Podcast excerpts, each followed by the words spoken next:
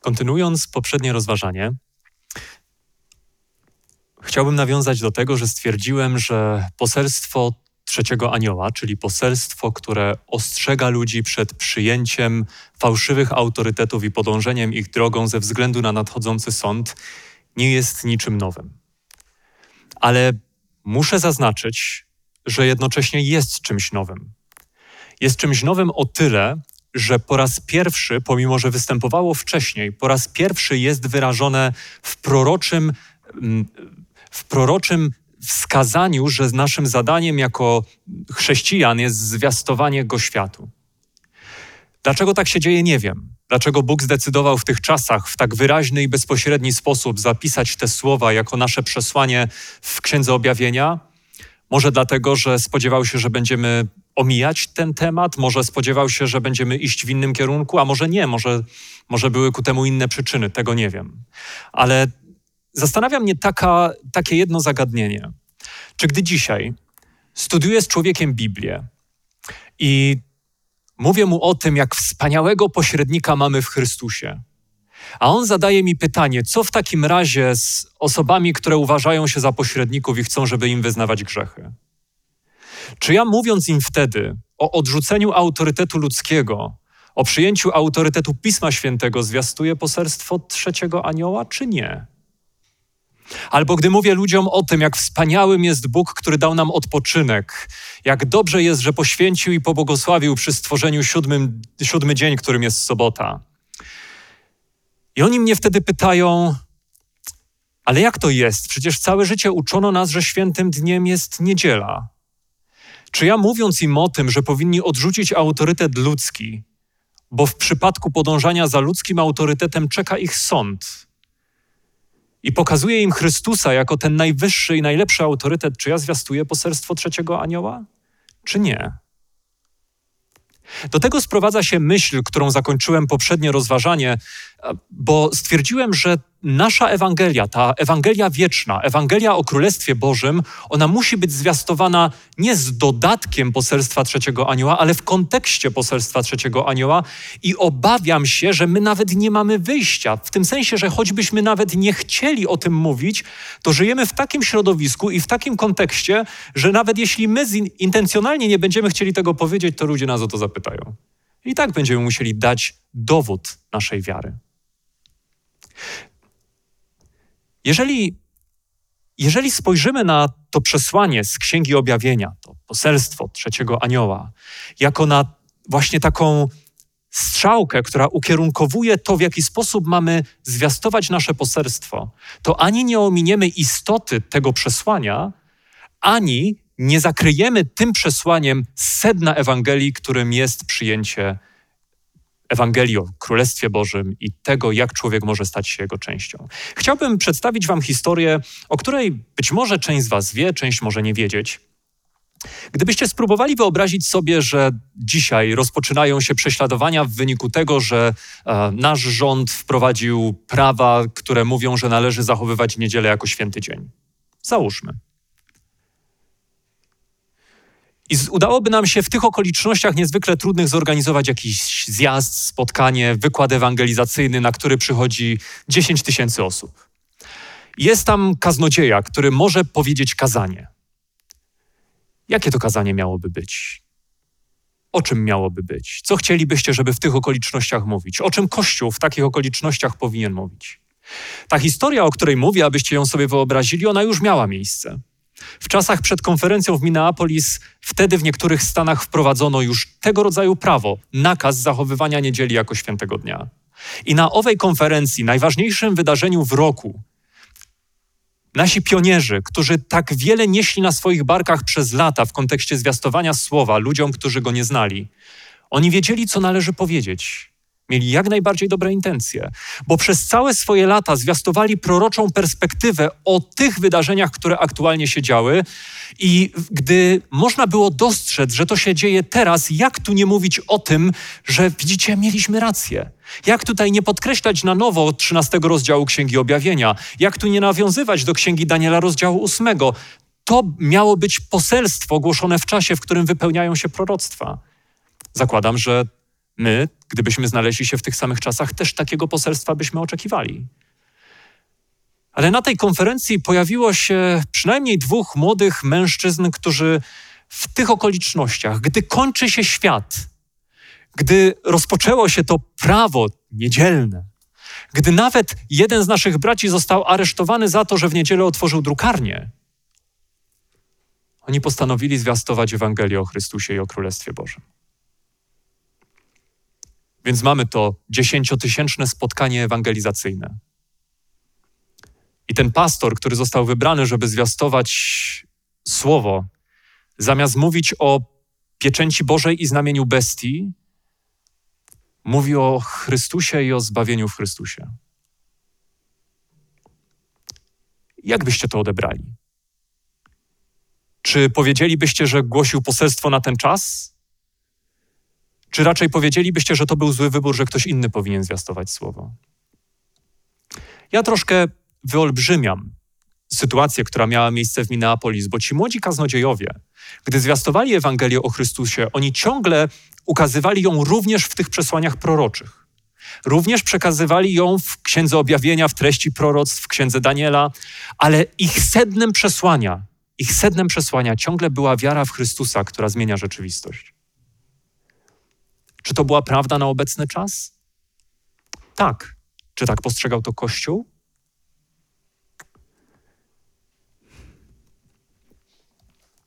W czwartej księdze Mojżeszowej w rozdziale 21 powiedziane jest tak. Od góry Chor wyruszyli potem ku Morzu Czerwonemu, aby obejść ziemię Edom, lecz lud zniecierpliwił się w drodze. I zaczął lud mówić przeciw Bogu i przeciw Mojżeszowi. Po co wyprowadziliście nas z Egiptu? Czy po to, abyście pomarli, abyśmy pomarli na pustyni? Gdyż nie mamy chleba ani wody i zbrzydł nam ten nędzny pokarm. Zastanawiam się, czy nie znajdujemy się w takim miejscu jako Kościół, jako ludzie wierzący, że zbrzydł nam ten nędzny pokarm? Czy nie jest tak, że patrząc na czasy końca, chcielibyśmy widzieć poselstwo, które nie wymaga tak bardzo Ewangelii o Królestwie, które wymaga wskazania winnych, wskazania sądów, wskazania ostrzeżeń, ale Ewangelia, która miałaby dotyczyć Chrystusa jako takiego, jako sedna tego przesłania, nie jest już aż tak bardzo potrzebna. Może się mylę, może jest inaczej, może właśnie wyobrażamy sobie, że to poselstwo, ostrzeżenie jest poselstwem, które wynosi Chrystusa tak wysoko, jak jeszcze nigdy wcześniej. Może takiego poselstwa oczekujemy. Ale chciałbym, żebyśmy na moment spróbowali zastanowić się, w jakim my jesteśmy położeniu. I to zastanowienie się nad naszym położeniem będzie niezwykle subiektywne. Człowieka, który ma 32 lata i w kościele no, jest kilkanaście lat. Spróbujcie, spróbujmy nad tym pomyśleć. Średnio co kilka lat, ja przynajmniej takie mam doświadczenie, w kościele do wyznawców kierowany jest apel. Apel o ożywienie i reformację. I wtedy organizujemy spotkania modlitewne, organizujemy spotkania ożywieniowe, prowadzimy wykłady. I modlimy się 40 dni o wylanie Ducha Świętego, modlimy się 10 dni zgodnie z jakimiś rozpisami. I to jest jak najbardziej dobre. Ale jakie jest nasze doświadczenie? Nasze doświadczenie jest takie, że od 10, 20, 30, 40 i 50 lat modlimy się o coś, co postrzegamy jako największa nasza potrzeba, i pomimo szczerych modlitw i szczerych działań w tym celu, ciągle mamy wrażenie, że nasze modlitwy nie zostały wysłuchane. I z jednej strony fakt, że ciągle wołamy i ciągle modlimy się, pokazuje, że jesteśmy świadomi, że nasze doświadczenie jest takie, że wymaga pewnej zmiany. Skoro wołamy o ożywienie, skoro wołamy o reformację, to jesteśmy świadomi, że coś się musi zmienić. Więc prosimy Boga o tę zmianę, ale ona się nie dzieje. I wiecie, gdyby to się wydarzyło tylko raz, ale to się dzieje za każdym razem, gdy wołamy o taką zmianę. I wiem, że, że indywidualnie Pewnie nie jedna osoba mogła złożyć, byś, mogłaby złożyć świadectwo, że sama doświadczyła różnych zmian, ale gdy myślimy o szerszej skali, to, to ciągle znajdujemy się w tym samym miejscu. Czy te spotkania, te modlitwy, te wołania nie miały znaczenia? Miały, ale ciągle nie zmieniły oblicza tego, jak wyglądamy, kim jesteśmy, co robimy. Do czego nas to prowadzi? Prowadzi nas do tego, że zaczynamy szukać powodu, dla którego tak się dzieje. Bóg dał obietnicę, żebyśmy byli wysłuchani, że będziemy wysłuchani, jeśli będziemy wołać do Niego. Ale nie jesteśmy wysłuchiwani, więc co, co jest przeszkodą? Co się dzieje, że Bóg nie może odpowiedzieć na nasze modlitwy? I wtedy bardzo szybko do głowy przychodzi nam taka koncepcja, że prawdopodobnie jest to grzech. I gdyby nie grzech, który występuje w kościele, wtedy na pewno Bóg już odpowiedziałby nasze modlitw, na nasze modlitwy, już doświadczylibyśmy tego ożywienia, doświadczylibyśmy tej reformacji i Chrystus już by przyszedł, bo zanieślibyśmy poselstwo trzeciego anioła całemu światu. I gdyby to była chwila, to te to nie byłoby może aż tak bardzo problematyczne, ale że rozciąga się to na dziesiątki lat, a niestety obawiam się, że może i nawet na ponad setkę, i ciągle nic się nie zmienia, to stajemy się ludźmi, którzy w szczerych intencjach patrzą, gdzie tylko mogą, żeby zobaczyć, gdzie jest ten błąd i gdzie są te winy i gdzie są te grzechy, czy we mnie, czy w innych ludziach, które powstrzymują Boga przed możliwością udzielenia nam tego błogosławieństwa.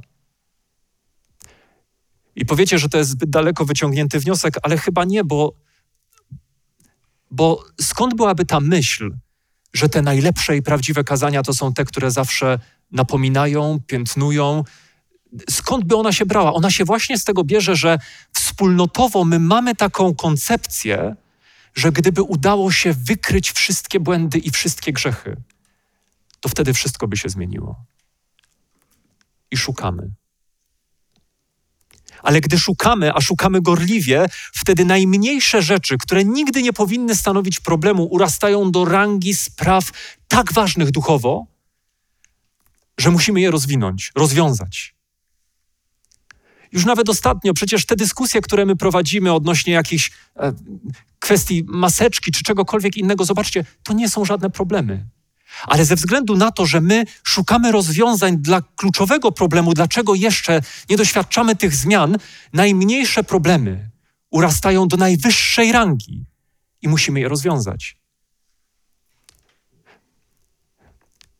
To, co teraz powiem, nie ma zabrzmieć jako jakiś żart, ale do takich samych rang urastają problemy, kto siedzi przy oknie i czy okno jest otwarte. I możecie powiedzieć: Nie, nie, tak, tak, i zbory nie potrafią rozwiązać tych problemów, bo rosną do tak wielkiej rangi duchowych problemów, bo ta osoba nie ma w sobie charakteru Chrystusa, by ustąpić, a ja mam charakter. Szukamy problemów i je znajdujemy. I najdrobniejsze urastają do rangi największych, które koniecznie trzeba rozwiązać. Ale to z kolei prowadzi do polaryzacji. I jesteśmy, tak jak cały świat się polaryzuje, tak my jako Kościół odsuwamy się od siebie coraz dalej i coraz dalej i coraz dalej. I szukamy innych rozwiązań. Ja, jak rozwiązać ten nasz problem? Jedni będą starać się trzymać tego środka i pomimo, że wielu rzeczy nie wiedzą, nie umieją odpowiedzieć na wiele pytań, będą jednak starać się wypełniać to zadanie, które określone jest w Biblii i iść do przodu. Ale inni będą szukać tych rozwiązań w skrajnych poglądach, czy z jednej, czy z drugiej strony. A im bardziej te skrajne poglądy będą nacechowane odwoływaniem się do ksiąg proroczych, tym lepiej. I te skrajne poglądy będą pociągać Kościół. One muszą pociągać po Kościół. Wiecie dlaczego? Bo one budzą emocje, one budzą zainteresowanie. Bo ludzie, którzy są bezradni, a my jesteśmy bezradni, czekając na tę wielką zmianę i to wielkie ożywienie, są gotowi złapać się czegokolwiek, co daje im nadzieję, że to będzie teraz. I my widzimy nadzieję w tych właśnie skrajnych poglądach, czy z tej, czy z drugiej strony. I tak trudno jest nam trzymać się tego, co mówi Pismo Święte i Ewangelia, bo, bo to jest bardziej atrakcyjne, to jest bardziej pociągające.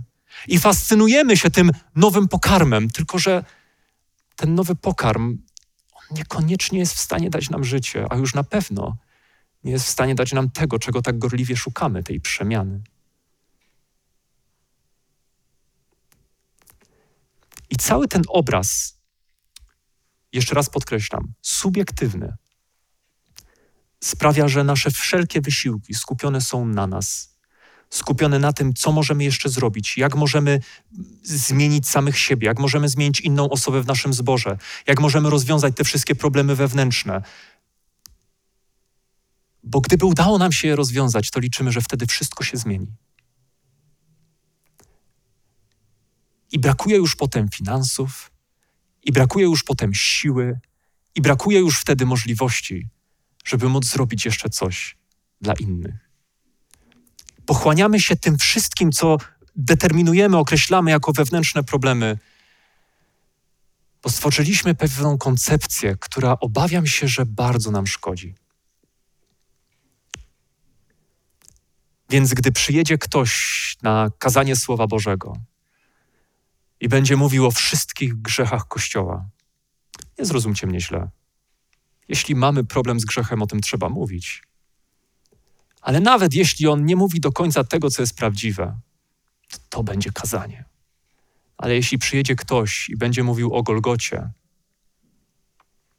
to nie będzie poselstwo na ten czas dla nas. I poważnie zastanawiam się, czy nam przypadkiem nie zbrzydł ten nędzny pokarm.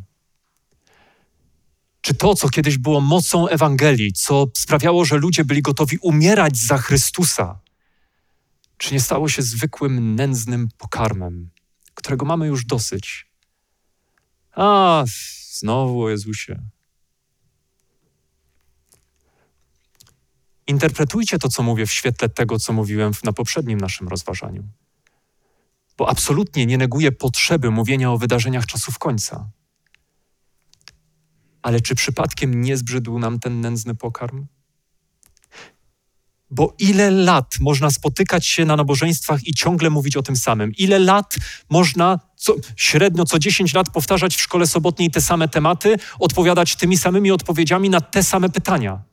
Ile lat można słuchać tej samej Ewangelii? Ona może się znudzić. Bo jeśli naszym głównym celem i naszym, nasze wysiłki są tak nakierowane, jest rozwiązanie naszych wewnętrznych problemów, a nie widzimy ratunku w Ewangelii o Chrystusie, który daje zbawienie, który daje moc do zwycięstwa nad próbami, pokusami, to ona dla nas, w naszym spojrzeniu, nie będzie poselstwem nam potrzebnym.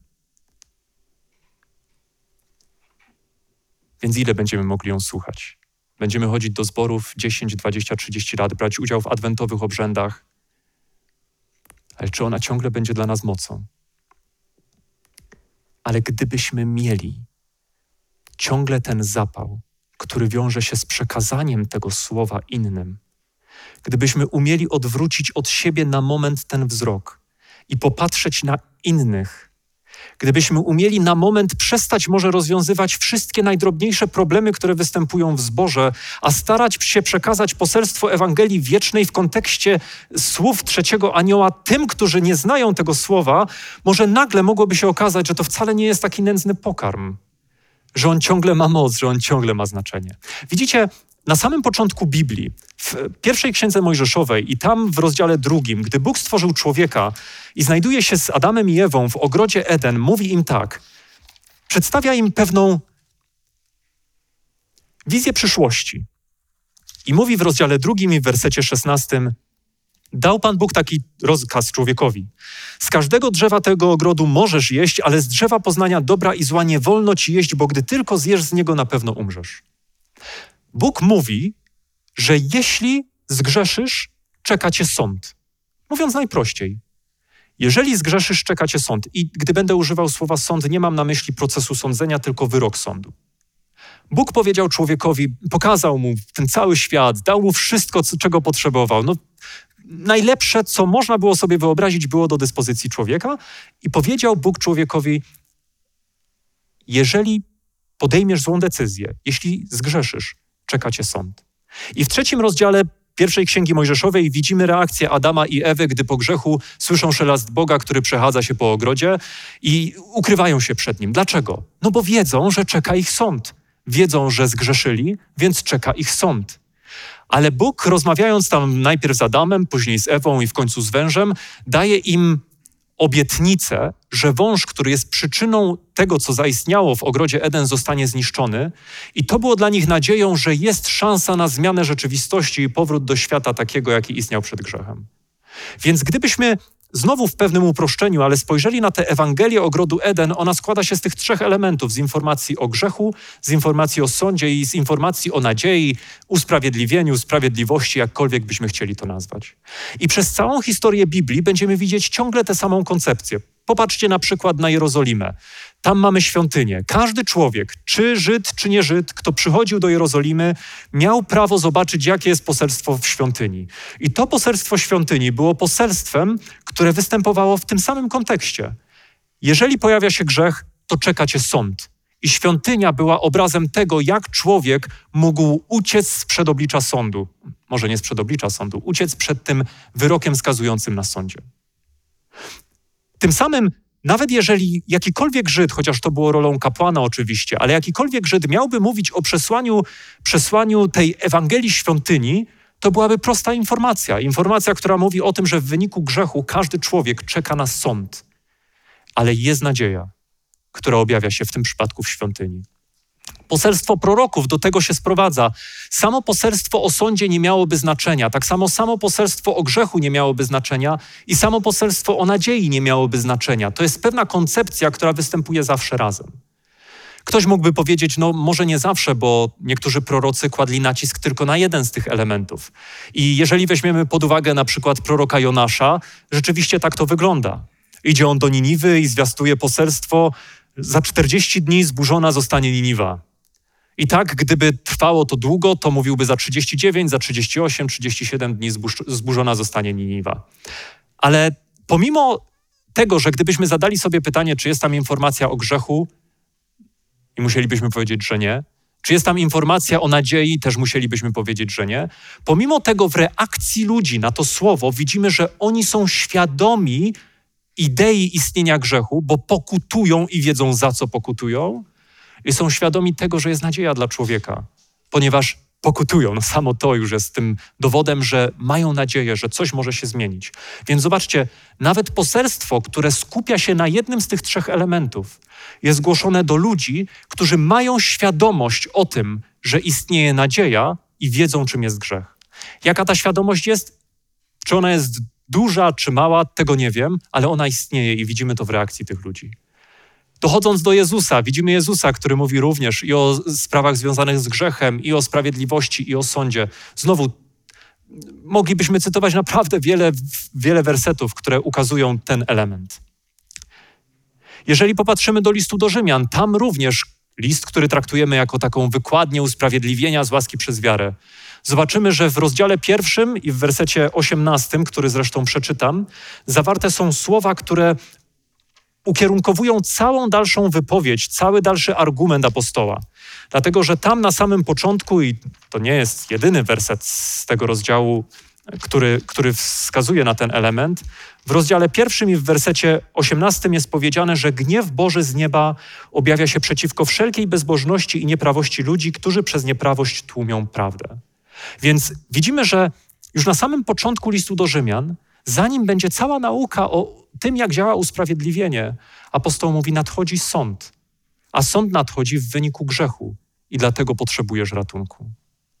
Te trzy elementy, one zawsze funkcjonowały razem i one do końca historii świata będą funkcjonować razem, jako elementy jednego przesłania, jako elementy, które człowiek ma pokazywać tym, którym chce przekazać Ewangelię. Trudno jest mówić, i to mówię Wam z doświadczenia, trudno jest mówić młodym ludziom, którzy mają dzisiaj wszystko, mm, o tym, że jest dla nich zbawienie, podczas gdy oni nawet nie widzą, że mieliby jakikolwiek problem. Trudno jest mówić o tym, że Bóg dał nam obietnicę, jeśli oni nie potrafią zrozumieć tego, czym jest grzech i tego, że nadchodzi sąd. My nie możemy jako Kościół uciekać w żadną ze skrajności, by mówić tylko o jednym albo drugim zagadnieniu. Nasza Ewangelia zawsze była pełna. Ona zawsze wymagała mówienia o tym, co e, jest drażliwe, zawsze wymagała piętnowania grzechu, zawsze wymagała ukazywania sprawiedliwości, mówienia o drodze, o, o tym, jak człowiek może być uratowany. Ona zawsze wzywała do upamiętania i wszystkie te elementy są niezwykle ważne, tylko że wszystkie one zawsze musiały być zwiastowane w tym duchu Chrystusowym. Ja bardzo lubię sprawozdanie z pierwszego rozdziału Drogi do Chrystusa, gdzie powiedziane jest, że Jezus, gdy miał wypowiadać słowa ostre i nagane, tak tam jest powiedziane, tam zawsze, być może ktoś z Was kojarzy ten cytat, zawsze łamał się jego głos. Zawsze łamał się jego głos. My nie żyjemy w świecie pełnym sprawiedliwości. My nie żyjemy w świecie, w którym moglibyśmy powiedzieć, że wszystko jest dobrze. My żyjemy w świecie, który potrzebuje tego, by go napomnieć. My żyjemy wśród ludzi, którzy potrzebują informacji o nadchodzącym sądzie, bo one właśnie mogą dopiero ukazać, jak niezwykle piękna jest Ewangelia. Z mojej perspektywy, to, co mamy przekazywać światu, ta dobra nowina o Królestwie, ona jest przepiękna, dlatego że na wszystkie jej elementy składają się różnego rodzaju czynniki, które podnoszą ją przed ludźmi jako coś niezwykłego. Ona jest niesamowita, bo wtedy, gdy ktoś płacze z powodu swojego grzechu, bo, du, bo Duch Boży przekonuje go o grzechu, on wtedy widzi nadzieję, która może poprowadzić go dalej. I są to łzy nie tylko jakiegoś dramatu, nie muszą być, ale są to często łzy nadziei i wiary w przebaczenie. Wielokrotnie pewnie i wy, jako osoby, które zaangażowane są w dzieło zwiastowania Słowa Bożego, mogliście doświadczyć tego, że ludzie w wyniku informacji o tym, że ten świat rzeczywiście się skończy, decydowali się rozpoczynać studia biblijne. Wszystkie te elementy są nam ciągle potrzebne i zwiastowanie poselstwa, które zawiera element ostrzeżenia, ciągle jest ważne. My ciągle potrzebujemy zwiastować słowo, o, które oparte jest na proroctwach. Ciągle musimy interpretować to, czym jest bestia z ziemi, czym jest bestia z morza. Ciągle musimy mówić o pieczęci, o znamieniu, aczkolwiek w tym wszystkim jedynym, tak jak mówiliśmy od początku, co daje ludziom życie, jest Ewangelia o Królestwie. Więc gdybyśmy sprowadzali to do podsumowania znowu tej części naszego rozważania, Gdybyśmy mieli pomyśleć, w jakim jesteśmy miejscu i czego my oczekujemy od samych siebie, jako tych, którzy ma, mają zwiastować Słowo,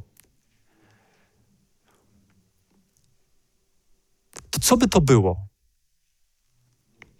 Czy umielibyśmy sprecyzować, czym jest ta misja Kościoła, czyli zwiastowanie Ewangelii Wiecznej w kontekście poselstwa Trzech Aniołów? Czy umiałby taką Ewangelię opowiedzieć ktoś, kto nie ma jakichś głębokich studiów teologicznych za sobą? Czy umiałbyś, umiałabyś jako osoba prosta, bo ja też jestem prostą osobą, powiedzieć komuś, kto jest tam w Twojej pracy obok Ciebie, czym jest to poselstwo, co jest kluczem, co jest najważniejsze? Czy umiałbyś kolegę czy koleżankę, która z Tobą studiuje albo uczy się w szkole, nakierować w taki sposób, aby mogła zobaczyć Czym jest poselstwo trzeciego anioła? Czy umiałbyś to zrobić? Bo jeśli jest to misja całego naszego kościoła, to ona w przekazaniu musi być prosta.